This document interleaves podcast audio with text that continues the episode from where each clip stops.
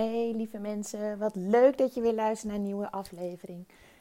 Deze aflevering neem ik op omdat ik zo'n enorme drive voel om mijn werk voor te zetten. En uh, ook weer te benadrukken dat het zo ontzettend nodig is dat we als school, als docent en ouders met elkaar gaan samenwerken. Dat we niet naar elkaar gaan wijzen, niet uh, zij en wij gevoel creëren, maar echt het met elkaar samen doen. En dit weekend werd dat weer nog meer versterkt. Uh, mijn zoon is in een hele nare situatie terechtgekomen toen hij, uh, toen hij s'avonds nog buiten was. Hij mag eigenlijk altijd tot, tot kwart of negen, half tien wel naar buiten als hij de volgende dag ook vrij is. Maar nu had, wou hij graag tot tien uur. Dus ik dacht, nou ja, oké, je bent morgen vrij. Dat is oké. En ik was om kwart voor tien, keek ik naar Humberto, dat programma op RTL 4. Uh, en dat ging over um, de, de verjonging van de criminaliteit in, um, ja, in, in Nederland. Hè? Dat, dat er steeds jonger, um, ja, hoog ingestapt wordt in de criminaliteit. Denk aan wapenbezit, bedreigingen, enzovoort. Er zaten twee politieagenten. Uh, Rico Verhoeven zat er ook toevallig nog aan tafel. Heeft ook meegepraat. En um, heel interessant. En op de duur hoor ik um, dat mijn zoon thuis komt. Iets voor tiener. Met een keiharde knal knalt hij de schuurdeur dicht. Ik denk nog van nou, nou, moet dat zo hard? Is dat zo nodig? En hij komt binnen en hij vertelt het hele verhaal. Nou, in verband met zijn privacy en, en wat er gebeurd is, zal ik verder niet in detail treden. Maar het was een, een, een nare situatie. Hij was met een groepje in ieder geval buiten. En uh, er, is, uh, ja, er heeft dreiging, uh, bedreiging plaatsgevonden. Um, na boosheid, want die voelde ik heel erg, besefte ik waar, waar zijn die jongens mee bezig die dit deden. Wat is er met die jongens aan de hand? Zullen ze heel alleen zijn? Zullen ze zich eenzaam voelen? Waar zijn hun ouders? Hebben hun ouders het besef wat hun kinderen zo laat op straat nog aan het doen zijn? Hebben deze jongens wel het besef wat de impact is van het gedrag wat ze hebben vertoond? Weten ze wel wat voor risico's zij lopen, maar ook bij de jongeren die ze dat aan hebben gedaan, voor risico's lopen.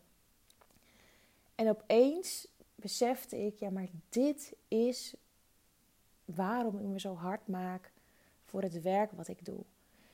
Deze jongens die dit doen, die hebben begeleiding nodig. Die hebben heel veel liefde nodig. Die hebben een veilige plek nodig.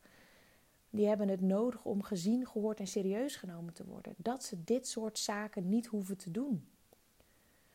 Bij Humberto ging het ook dus hierover. En daar werd ook aangegeven dat alles eigenlijk altijd gedaan wordt om economische redenen. Oftewel, die jongeren die in de criminaliteit terechtkomen, die willen geld.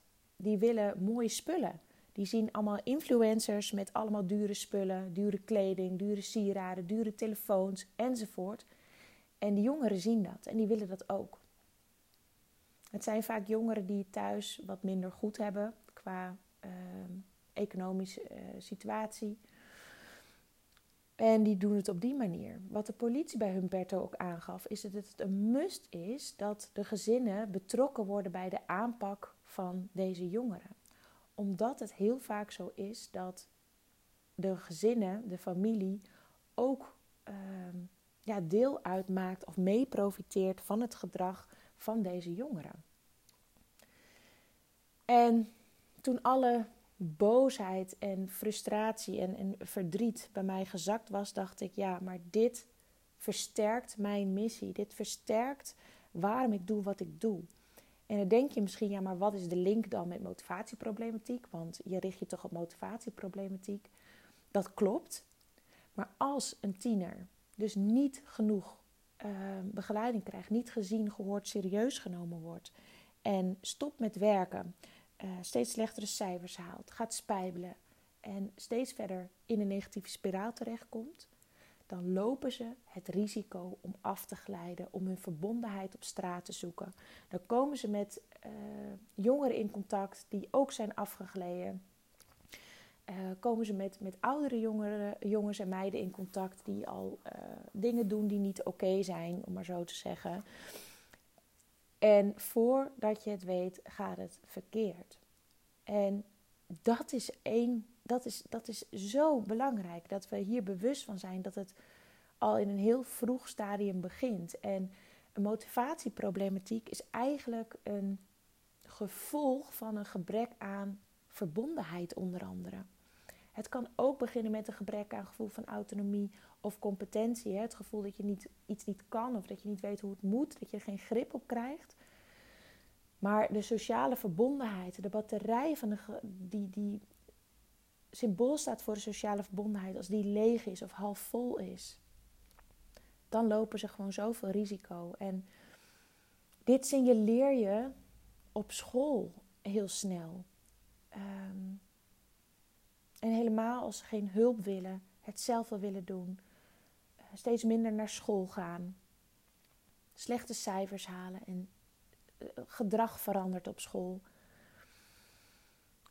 Dit is dit is zo ontzettend belangrijk. En ik ben me op dit moment ook weer aan het verdiepen in ouderbetrokkenheid. Uh, dat is module 5 van de verdiepende docententraining die ik aan het ontwikkelen ben nu. De laatste module van het programma.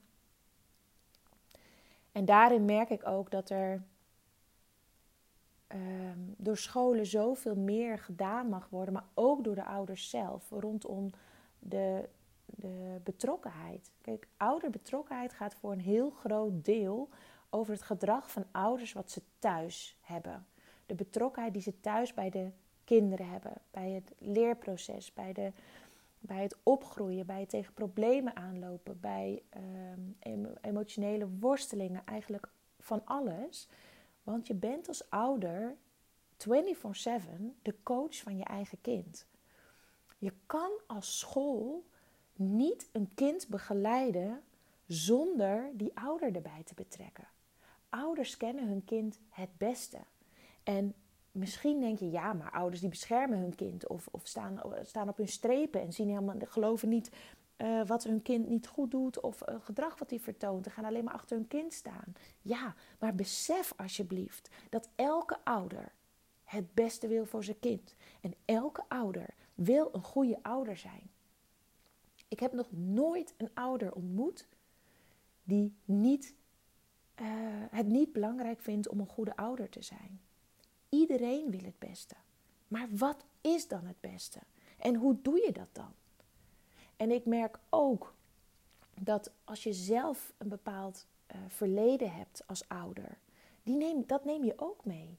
Misschien heb je wel ouders gehad waarvan je zegt: Ja, ze hebben gedaan wat ze konden, maar ik wil absoluut niet hetzelfde worden als mijn ouders. Maar heb je eigenlijk ook niet het voorbeeld van je eigen ouders, hoe het wel moet bijvoorbeeld?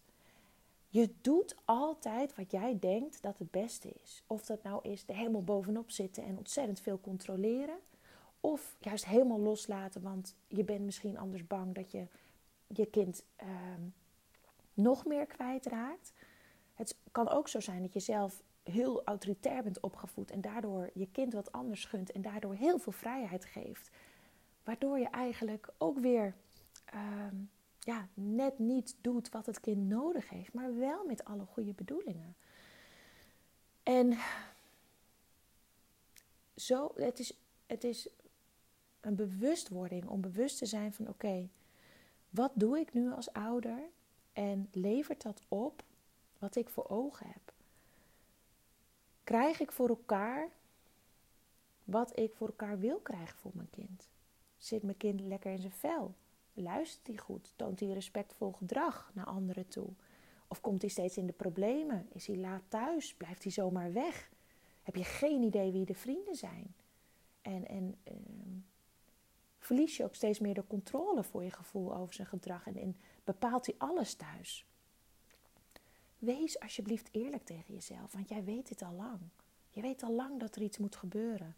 Maar waarschijnlijk voel je onzekerheid, angst, misschien wel schaamte, het gevoel te falen als ouder, omdat je niet weet hoe. Of dat je het voor je gevoel helemaal verkeerd doet. Of misschien denk je dat het allemaal al te laat is. Het kan van alles zijn. Maar weet alsjeblieft dat het niet te laat is. En weet dat je altijd dingen kan bijsturen. En ik weet dat jij de beste ouder wil zijn die je kan zijn. Geloof mij. Ik wil dat ook. Ik heb heel lang, de, heel lang de angst gehad dat ik geen goede ouder kon zijn. Door mijn eigen verleden. Maar door me zo ehm, erin te verdiepen en, en open te staan voor datgene wat nodig is om mijn kinderen te geven wat ze nodig hebben, besef ik nu dat ik een goede ouder ben. En wanneer ben je een goede ouder? Als je in contact gaat met je kind, als je de verbinding zoekt, als je je kind ziet zoals hij is, als je je kind accepteert zoals hij is en wie die is. En stopt met wat jij niet hebt gehad of hebt kunnen doen of hebt gekregen, dat je dat projecteert op je kind, dat je kind dat allemaal moet waarmaken. Dat is niet fair tegenover je kind. Je kind kan er niks aan doen dat jouw verleden is zoals het is. Je kind hoeft niks recht te zetten. Dat heb jij te doen. Jij als ouder hebt de plicht om je verantwoordelijkheid te pakken voor je eigen leven en je eigen shit op te ruimen. En als je niet weet hoe dat moet, zoek dan begeleiding. Ga het gesprek aan. Je bent niet alleen. Persoonlijk geloof ik ook niet in falen. Als iets niet gaat zoals jij wil, is het zaak om te kijken: oké, maar wat werkt dan wel? Ik ga uitzoeken wat er wel werkt en ik probeer dingen. Ik kijk elke keer weer of het werkt. En als het niet werkt, probeer ik weer wat anders. Als ik niet weet waar ik moet beginnen, dan ga ik in gesprek. Pak die verantwoordelijkheid. Want het gedrag wat jij laat zien als ouder aan je kind is het voorbeeld. Onze kinderen kopiëren ons gedrag en luisteren veel minder naar onze woorden. Ze kijken naar wat wij doen. Komen wij voor onszelf op? Geven wij grenzen aan? Doen we dat niet, dan zullen zij dat ook niet doen. Maar als je op die jonge leeftijd niet leert om grenzen aan te geven, voor jezelf op te komen, verbinding aan te gaan, bewust worden wat veilig is, wat onveilig is, wat goed is, wat niet goed is, dat is een risico. En dat vind ik zo ontzettend belangrijk. Ik gun het elk kind om een ouder te hebben die hem of haar ziet, hoort en serieus neemt, erkenning krijgt, zich hem helemaal waardeert zoals hij is. En ik gun elke ouder om dat voor elkaar te krijgen. En van zichzelf te houden en om zichzelf te geven en te beseffen dat je al helemaal goed bent als persoon zoals je bent. En als je merkt dat het nu niet goed gaat, met je kind niet, of met jou niet, of met allebei niet, dat je stappen onderneemt. Pak die verantwoordelijkheid. Laat niet alles los. Jij bent verantwoordelijk als ouder. Voor jezelf en ook voor je kind. En het is niet erg als je vastloopt. Het is niet erg als je niet precies weet hoe je dat moet doen. Maar doe wat. En dit is precies de reden waarom ik het programma heb ontwikkeld voor ouders die ik heb ontwikkeld. Daar vertel ik niet wat je moet doen, maar daar vertel ik onder andere mijn eigen zoektocht ook in wat heeft er gewerkt en wat werkte niet. En het kan maar zo zijn dat wat bij mij niet werkte, bij jouw kind wel werkt. Het is een zoektocht. Voor elk individu is de aanpak anders. De een heeft strakkere regels nodig, de ander heeft iets meer ruimte nodig. Dat moet je per gezin bekijken. En ik kan een tiener niet helpen zonder de ouders. Maar ik kan een tiener wel helpen door met de ouders te werken. En dat zij het weer oppakken en anders omgaan, anders kijken naar hun kind. En dat is zo mooi werk als ouders daar open voor staan, het aandurven te gaan. Want dan komt er weer rust in het leven, dan komt er weer vertrouwen, dan komt er weer verbinding, dan komt er weer perspectief voor de toekomst. En dit is toch wat we allemaal willen? Dus wat ik je ook meegeef in het programma is vooral het hoe. Welke basisvoorwaarden, welke basisvaardigheden kan jij leren als ouder, je eigen maken als ouder, om dichter bij je kind te komen, om meer in contact te komen met je kind, om weer de ouder te kunnen zijn voor je kind en niet dat je kind alles hoeft te bepalen, want dat is onveilig voor een kind. Ook al denk je dat het fijn is voor het kind dat hij veel mag bepalen, dat is het niet. Elk kind heeft behoefte aan grenzen, kaders, veiligheid. Het gevoel dat ze op, op hun ouders kunnen terugvallen. Maar als zij alles bepalen, dan staan zij boven hun ouders. Dat is onveilig, ook qua gevoel voor het kind. Dus ik neem je in drie maanden tijd stap voor stap mee in praktische tips en tools, in mijn eigen ervaring, in alle gesprekken die ik heb gehad met gezinnen, met ouders, met tieners, met docenten. Ik neem je mee. En er zitten alleen maar ouders in het programma die ook worstelen. Waardoor je ook elkaars verhalen kan horen als je dat wil. Dat hoeft niet, maar dat mag. En dan zal je steeds meer beseffen dat jij goed bent zoals je bent. En steeds meer beseffen wat jij anders kan doen. Kleine dingen die je anders kan doen, waardoor de reactie van je kind ook zal veranderen. En het is een proces, daarom is het een programma van drie maanden. Met om de week een online sessie met elkaar, met alle ouders, waarin we bespreken hoe gaat het, waar ben je tegen aangelopen? Wat is je vraag? Wat gebeurt er bij jou van binnen? En ook succeservaringen te delen. Want dit is de basis van een, ja, een positieve band met je kind. En je kind weer motivatie te geven, toekomstperspectief, wat ik eerder al zei. Het gevoel hebben dat hij al goed is zoals hij is. Niet alleen jij als ouder, maar ook je kind. Dat wil je je kind meegeven. Oké. Het was eventjes een, uh, een preek van mij, maar ik merkte dat ik dit zo graag wil delen met zoveel mogelijk ouders. En omdat ik het belangrijk vind dat het programma voor alle ouders toegankelijk is, heb ik tot aanstaande vrijdag, 14 april, 20% korting op het programma. 20%. Normaal is het 349 euro. En nu komt hij dus onder de 300 euro. Dus denk je, ik heb dit nodig, schrijf je in.